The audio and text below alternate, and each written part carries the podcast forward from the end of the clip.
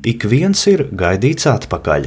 Tas ir sauklis, ar kuru Latvija vilina atgriezties milzīgo aizbraucēju pulku, bet ir arī pretēja pieredze. Profesors Uģis Gruntmanis, kuru kolēģi uzskata teju par rokzvaigzni medicīnā, pēc atgriešanās no ASV dzimtajā Latvijā izrādījies nederīgs nevienam amatam, uz ko pretendēja. Raidījumā atvērtie faili nākamajā pusstundā pētīsim, vai Gruntmaņa gadījums ir izņēmums vai tomēr plašāka problēma, un mūsu veselības aprūpes sistēma atgrūž tos, kas nav savējie. Pirmā daļa - atgriešanās. Pēc 22 aizvadītiem gadiem Amerikā dakteris Uģis Gruntmanis ar ģimeni uz Latviju pārcēlās pērn. Šobrīd Covid-19 pandēmijas dēļ viņš gan ir iestrēdzis ASV, kur viesojās pie bērniem, tāpēc mēs sazvanāmies caur Skype. Lab, uh, labvakar, labrīt! Viņam ir agrs rīts, stunda līdz sāksies pacientu pieņemšana tiešsaistē. Mums Latvijā pievakare.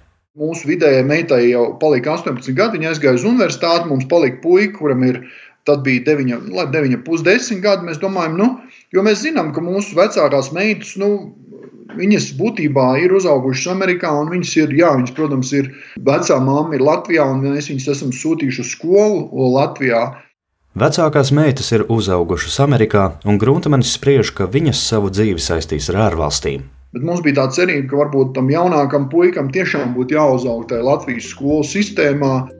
Saiti ar Latviju Gruntmanis nebija pārrāvis ne brīdi. Būdams Teksasas Universitātes profesors un iekšķīgo slimību rezidentūras vadītājs, viņš pie sevis aicināja Latvijas jaunos ārstus. Ar doktora labvēlību jaunu pieredzi Amerikā guva 30 mūsu mediķi. Gruntmanis no tālienes ar stratēģu aci vērīgi sekoja arī Latvijas veselības aprūpas attīstībai, un, ja pamanīja neiedzības, par tām rakstīja preses publikācijās un sociālajos tīklos. Piedāvāja šķietami loģiskus sistēmas uzlabojumus, lasīja lekcijas. Man ir vienmēr ir interesējis būt ar studentiem, būt ar jauniem ārstiem, piedalīties pētniecībā un skatīties pacientus, ne tikai tos, kas var atļauties samaksāt. Man ir svarīgi, ka mēs dodam līdzvērtīgus pakalpojumus cilvēkiem, kas arī nevar Latvijā samaksāt. Pēdējās valsts prezidenta vēlēšanas Gruntmanis sauc par ceļu uz labāku Latviju. Arī viņš vēlējies dot lielāku artavu Latvijas uzlabošanā, taču izrādījās, ka Latvijas medicīnā Gruntmanim vietas nav. Bet, diemžēl, tie daži cilvēki, kas ir pie varas dažādos šajos augstākās izglītības un medicīnas ešalonos, viņiem ir šī postpadomiskā noslēgtā vietu aizsargājošā, ko viņš te grib, tipa domāšana. Un tas ir tas, kas man ļoti, nu, un es domāju, ne tikai man, daudz cilvēku atbrauc, to konstatē un vienkārši aizbrauc. Gruntmans bija pieteicies konkursos uz Stradiņu slimnīcas valdes vadītāja un padomes locekļu amatiem. Nedabūja nevienu no tiem. Otra daļa - neieņemamais Stradiņu cietoksnis. Konkursus uz šiem amatiem rīkoja Veselības ministrija. Padomes locekļus meklēja uzreiz visām trijām universitātes slimnīcām - Stradiņa, Austrumu un Bērnu slimnīcai un lūkoja, lai katras padomē būtu cilvēks, kas atbildētu par veselības, finanšu un pārmaiņu jautājumiem. Konkursam bija piesaistīts personāla atlases uzņēmums Amrop. Tā vadošā pētniece Aiga Ārste Avotiņa stāsta, ka katrā profilā uz vienu vietu pretendēja gandrīz desmit cilvēki. Apzinoties to, ka tam veselības aprūpas profilam Latvijā nav daudz kandidātu, kas varētu, nu, kam ir reāli tāda vadības pieredzi vadot, teiksim, veselības aprūpas e, organizāciju, kas ir pietiekami liela, ja, un kur ir pietiekami, nu, kaut kāda arī labās, teiksim, prakses piemēri, ja, tad šim te veselības profilam mēs arī novienojāmies ar pasūtītāju, ka mēs uzrunāsim kandidātus arī no tuvējām ārvalstīm. Tā veselības joma Stradiņa slimnīcā uzticēta Lietuvas Medicīnas Zinātņu Universitātes Kaunas klīnikas ģenerāldirektoram Renaldam Jurkevičam. Pārējos divos profilos kandidāti bija vietējie. Ārste avotiņa uzskata, ka konkurss bija godīgs un caurspīdīgs. Nominācijas komisijas sastāvs bija ļoti sakarīgs, jo bija, nu kā, tur bija cilvēku pirmām kārtām pietiekami daudz tādu, kam ir saskara ar uh, medicīnas aprūpas sektoru, gan kā praktiķiem, gan varbūt ne kā praktiķiem, jā. Un, teiksim, arī, ka tie, tie bija, nu, pietiekami dažādi arī, teiksim, tie cilvēki, jā, kas no tāda administrācijas redzes slēņa, un gan, gan arī, teiksim, vai darba devēja to viedokli pārstāvot, gan darba ņēmēja viedokli pārstāvot, jā. Tāpēc man liekas, bija svarīgi, ka bija šajā te nominācijas komisijā bija cilvēki, kas ir vadījuši paši lielas organizācijas, tiksim, kā Māris Rēvalds vai kā Valdis Vancovičs. Ja? Pēdējie ir Veselības centra četri vadītājs Māris Rēvalds un Tele2 valdes priekšsādātājs Valdis Vancovičs. Personāla atlases eksperte saka, tādi, kas nepieļautu iejaukšanos konkursā no malas. Tikmēr Gruntmanis konkursu norisi kritizē, lai gan atzīst, ka padomas atlase bijusi labāk organizēta nekā valdes. Kaut vai tādēļ, ka padomas konkursa komisijā piedalījās arī mediķi, kā Rēvalds un Latvijas ārstu biedrības prezidente Ilze Aizsilniece. Viens no Gruntmaņa priekšlikumiem bija, ka ārstiem jāstrādā vienā darba vietā. Viņš domā, ka šis piedāvājums viņam iegrieza. Tas nevar būt, ka līdz vienalga, cikiem tu esi universitātes slimnīcā, tad tu ej pie vai nu pie Revolta kunga vai citu privātu lietu un notiek tāda šaudīšanās. Tad, nu, padomājiet, ja jūs būtu Revolta kunga vietā, tad es jums konkursā saku, ka es gribētu, lai visi šie ārsti strādātu simtprocentīgi stradiņu slimnīcā. Un viņš zina, ka liela daļa no šiem stradiņu ārstiem strādā pie viņa. Un tad, ja mans plāns īstenotos, tad pie viņa šie ārsti nestrādātu. Un otrā lieta, ka cilvēki, kuri bija ļoti labi, noteiksim, nu, labas pārvaldības teiksim, principi, kas, domāju, ir kritiski svarīgi, bet atkal neviens no šiem cilvēkiem, neviens, nekad nav ne mācījies, ne arī strādājis universitātes slimnīcās, labākās Eiropā vai pasaulē vai piedalījušies teiksim, pārvaldības procesā šīs slimnīcās. Amerikas teiksim, Universitātes slimnīcai intervē kādu vadošo cilvēku, tad tie cilvēki, kas tev izvērtē, būs ar līdzīgu kalibru cilvēki, kas spēj saprast, precīzi saprast, kāda ir katra šī cilvēka vīzija. Starp vērtētājiem vēl bija piemēram Baltijas Korporatīvās pārvaldības institūta vadītājs Latvijā Andris Grāfs, Dzintra Gasūne no Pāresoru koordinācijas centra. Mūsu uzrunātie konkursa komisijas locekļi sniegt komentārus par konkrētiem kandidātiem nevēlējās. Ilze aizsilniece sacīja, ka balsojumā par Gruntmani atturējusies, jo ārstu labi pazīstot, bet piebilda, ka Gruntmanim ir pieredze tikai darbā ar studentiem un zinātni, bet ne lielu uzņēmumu vadīšanā, kas šajā gadījumā bija svarīgi. Savukārt Grāfs vienīgi norādīja, ka Gruntmanis bija starp labākajiem pretendentiem. Nu, es tiešām ceru, ka, ka Latvija vienā brīdī, nu, tiešām tuvākajā laikā arī novērtēs tās unikālās zināšanas, kas, kas viņam ir. Bet, nu, attiecībā vismaz uz, uz stradiņu padomi, nu, tas tiešām bija pārliecinošs process, skaidrs, nu, kur, kur šie profesionāļi sacenšās. Nu, tur, nu, man liekas, viss ir absolūti uh, korekti. Tiešām Gruntmaņa kungam jānovēl pacietība un izturība, un, es domāju, ka, var, nu, ka viņš noteikti atradīs ļoti vērtīgu vietu, kur viņš pievienос vērtību. Tā tam būtu jābūt. Gruntmanis īpaši kritizē konkursu uz Stradiņas slimnīcas valdes priekšsēdētāju amatu. Tur komisijā bija trīs veselības ministrijas ierēģi, pārresoru koordinācijas centra juriste un Latvijas veselības aprūpes vadības speciālistu asociācijas valdes loceklis Jānis Vētra. Es to negribētu pateikt ar kaut kādu pārākumu, ja iedomības, bet neviens no šiem cilvēkiem nekad mūžā nav strādājis universitātes slimnīcā. Viņi nezina, kādai būtu jābūt apmācībai, kādai būtu jābūt zinātnisko projektu organizācijai, kādai būtu jābūt kvalitātes mērījumiem slimnīcā. Tas ir šī lieta, tas ir būtībā kā, es nezinu, nu, mm, tas varbūt nedaudz pārspīlēts, bet, nu, teiksim, sastādīt komisiju no 6. klases skolniekiem, kas izvērtētu 12. klases skolnieku zināšanas. Prezentējot savas ieceres, Gruntmanis minējis Eiropas un pasaules klīniku labākos piemērus, rosinājis kārtību, ka vadošos amatus var ieņemt uz noteiktu termiņu. Un vienīgais, teiksim, uzreiz pēc šīs uzstāšanās jautājums, lai es drusku parunāju angliski, jebko. Kas tas ir? Man, teiksim, cilvēkam, kas bijis 22 gadus pasniedzējis Amerikā, drusciņi parunāt angliski, lai kāds var pielikt ķeksīti tādā caurumā, kur ir pateikts, ka ir jāpārbauda tavas angļu valodas zināšanas. Ja?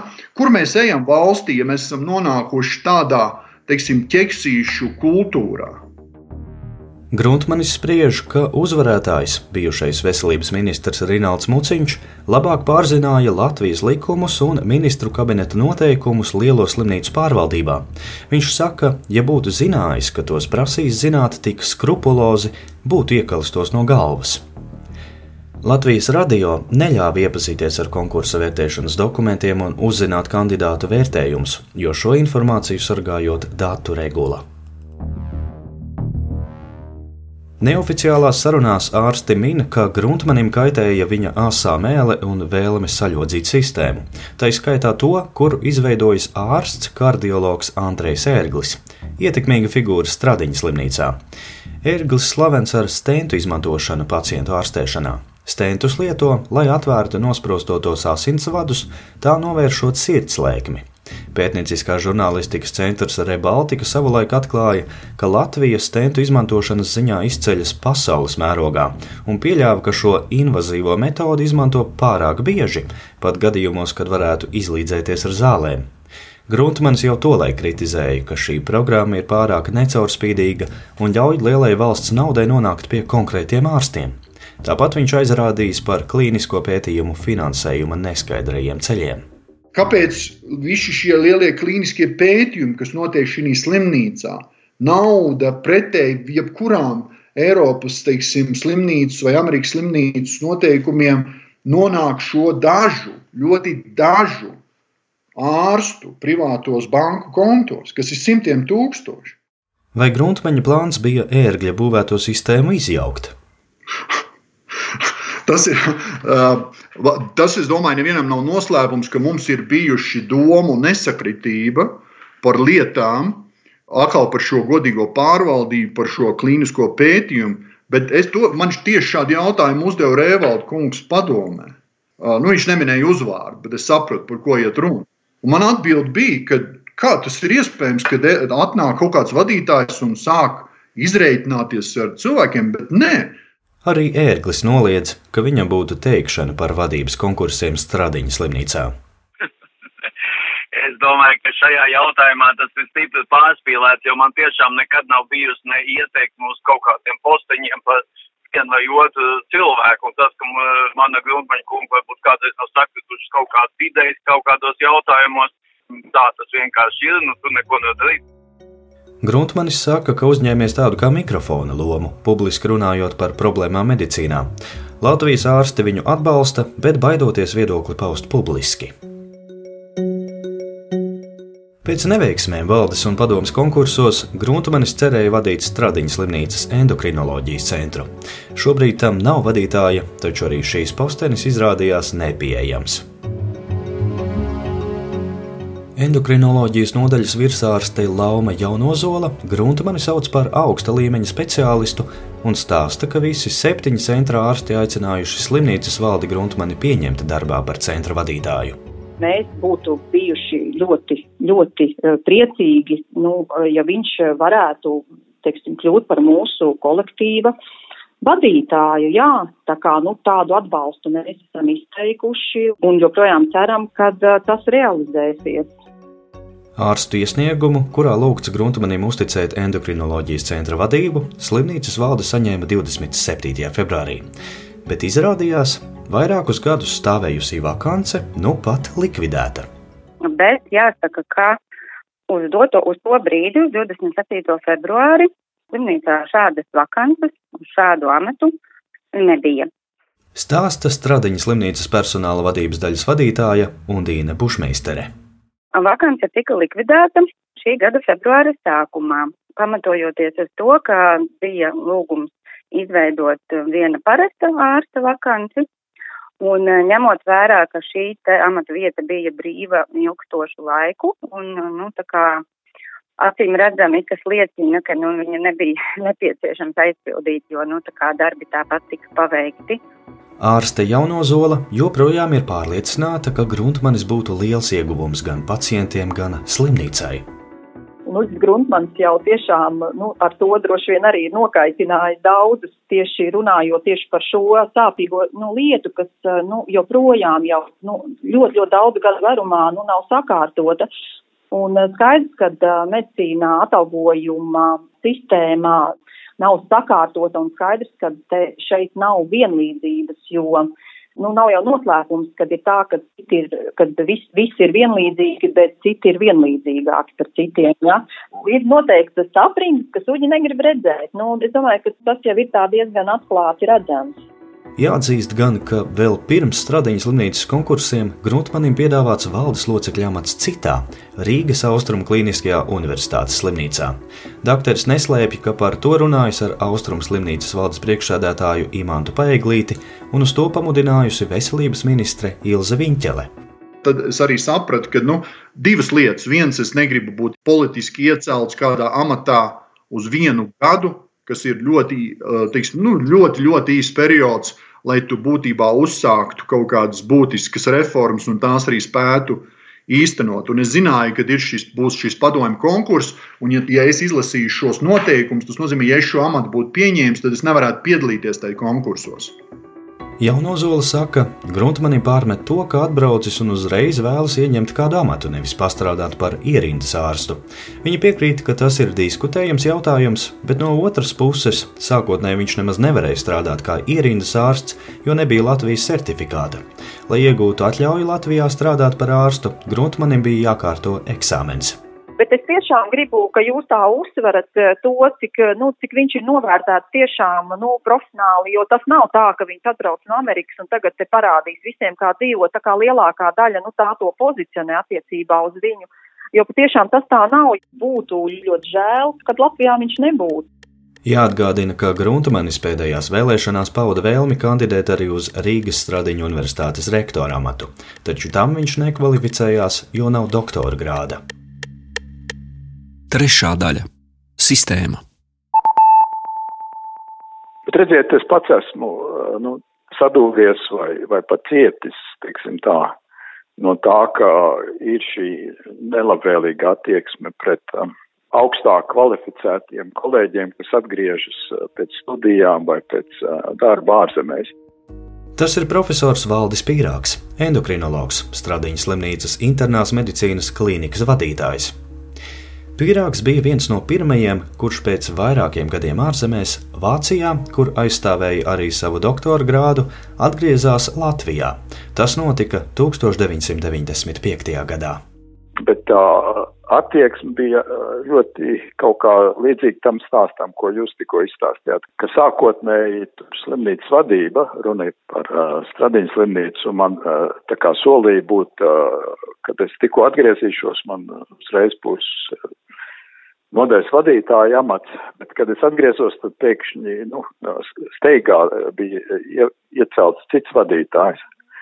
Respektīvi, ir šī grieķu vārds ir ksenofobija, tas nozīmē bailes no svešā, vai ne, un, un tas svešais vienmēr ir tā kā rādā draudus tai iekšējai vidē, kas pati nav par sevi droša.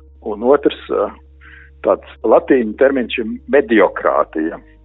Un mediokrātija nozīmē, ka valda nevis izcilākie, bet gan viduvējākie, respektīvi eh, izvirza Latvijā cilvēkus, kas īstenībā ir viduvējības, jo viņi tādā demokrātijas apstākļos tie, kas bieži vien arī baidās no stipriem vadītājiem. Tad paradoxālā veidā ievēl eh, un izvirza nevis eh, gudrākos, spējīgākos līderus, bet tieši otrādi Par medicīnas vidi skarbi izsakās pīrāgs.